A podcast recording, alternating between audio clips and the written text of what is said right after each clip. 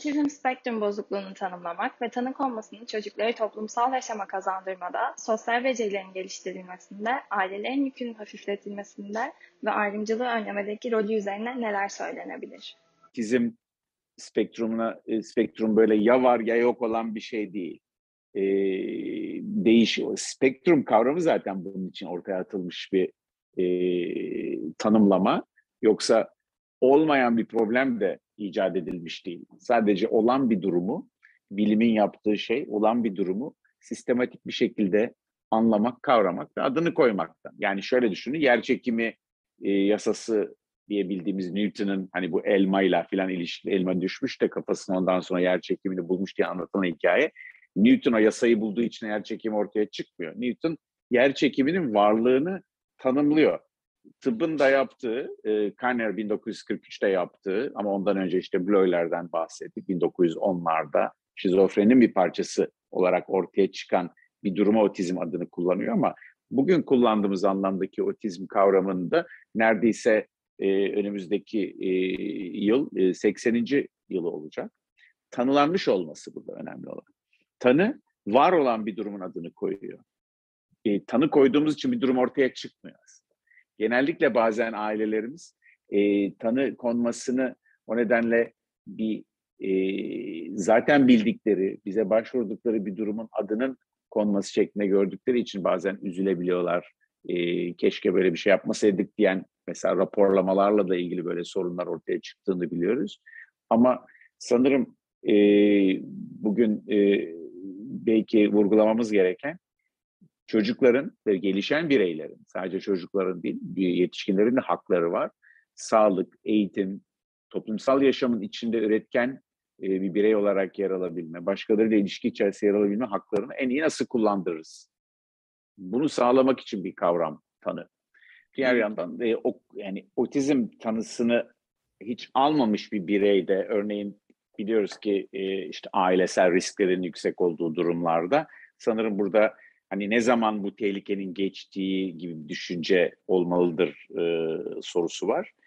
E, şunu söyleyebiliriz, tanı almış bireylerde dediğim gibi 4-6 yaş arası özellikle okula hazır oluşla ilgili bir döneme doğru da giriliyor. E, o zamana kadar e, silik belirtileri olan çocuklarda bazen 6 yaş civarında çok yakında bir çalışma yayınlandı.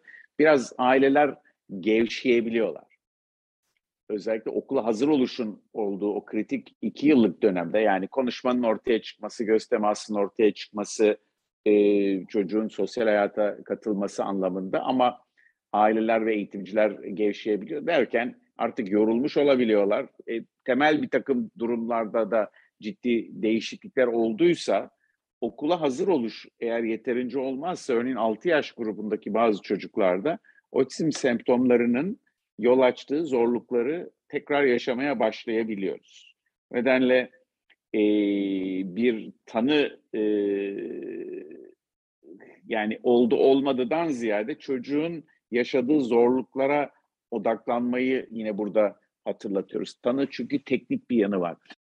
Otizm spektrumunda da iyiye gidiş olduğunda önemli olan o iyiye gidiş ölçüsünde çocuğun yükünün ayarlanması bu konuda e, hekim, psikolog, özel eğitimci, e, okul öğretmeni, rehberlik araştırma merkezi uzmanı gibi birçok meslektaşımızın üzerine düşen yükler var. Yani özellikle tanının hafif orta ağırlığının yanı sıra çocuğu tanıyan kişilerin de e, değerlendirmesi mühim. Yani bir çocuğun ne yapabileceğiyle, ne yapabildiğiyle ilgili. O nedenle ben bütün bu meslektaşlar, aile, e, biz arasındaki iletişimin, bilgi alışverişinin e, çok kritik olduğunu düşünüyorum. Çünkü bir doktorun bir yerde gördüğüyle, bir öğretmenin bir yerde gördüğü ya da bir anneannenin, dedenin bir yerde gördüğüyle anneninki, babanınki bile farklı olan bir sistemde bu şu demek değil.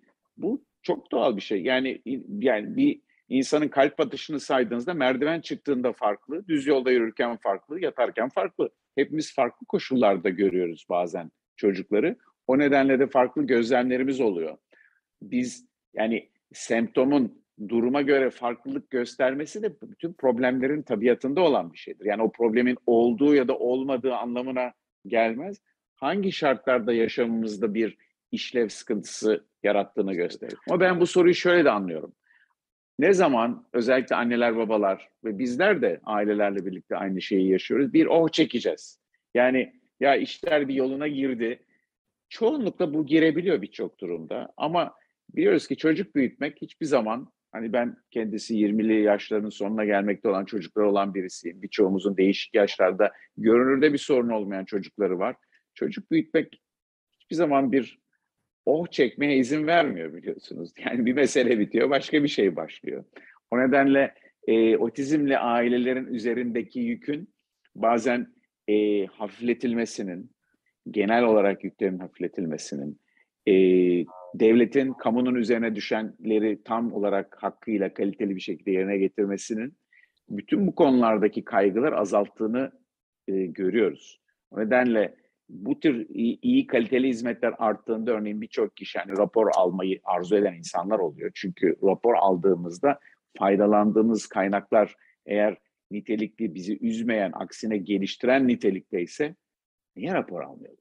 Yani böyle baktığımızda. O yüzden e, raporlama yapılmasına insanların e, karşı çıkmasının bazen hani ya da çok arzu etmemesinin sebeplerinden birisi bundan dolayı bir kazanımının olması. Aksine bazen ayrımcılığa vesaire uygulamaları. Birçok aile ayrımcılık korkusuyla birçok şeyi yapmaktan çekiniyor.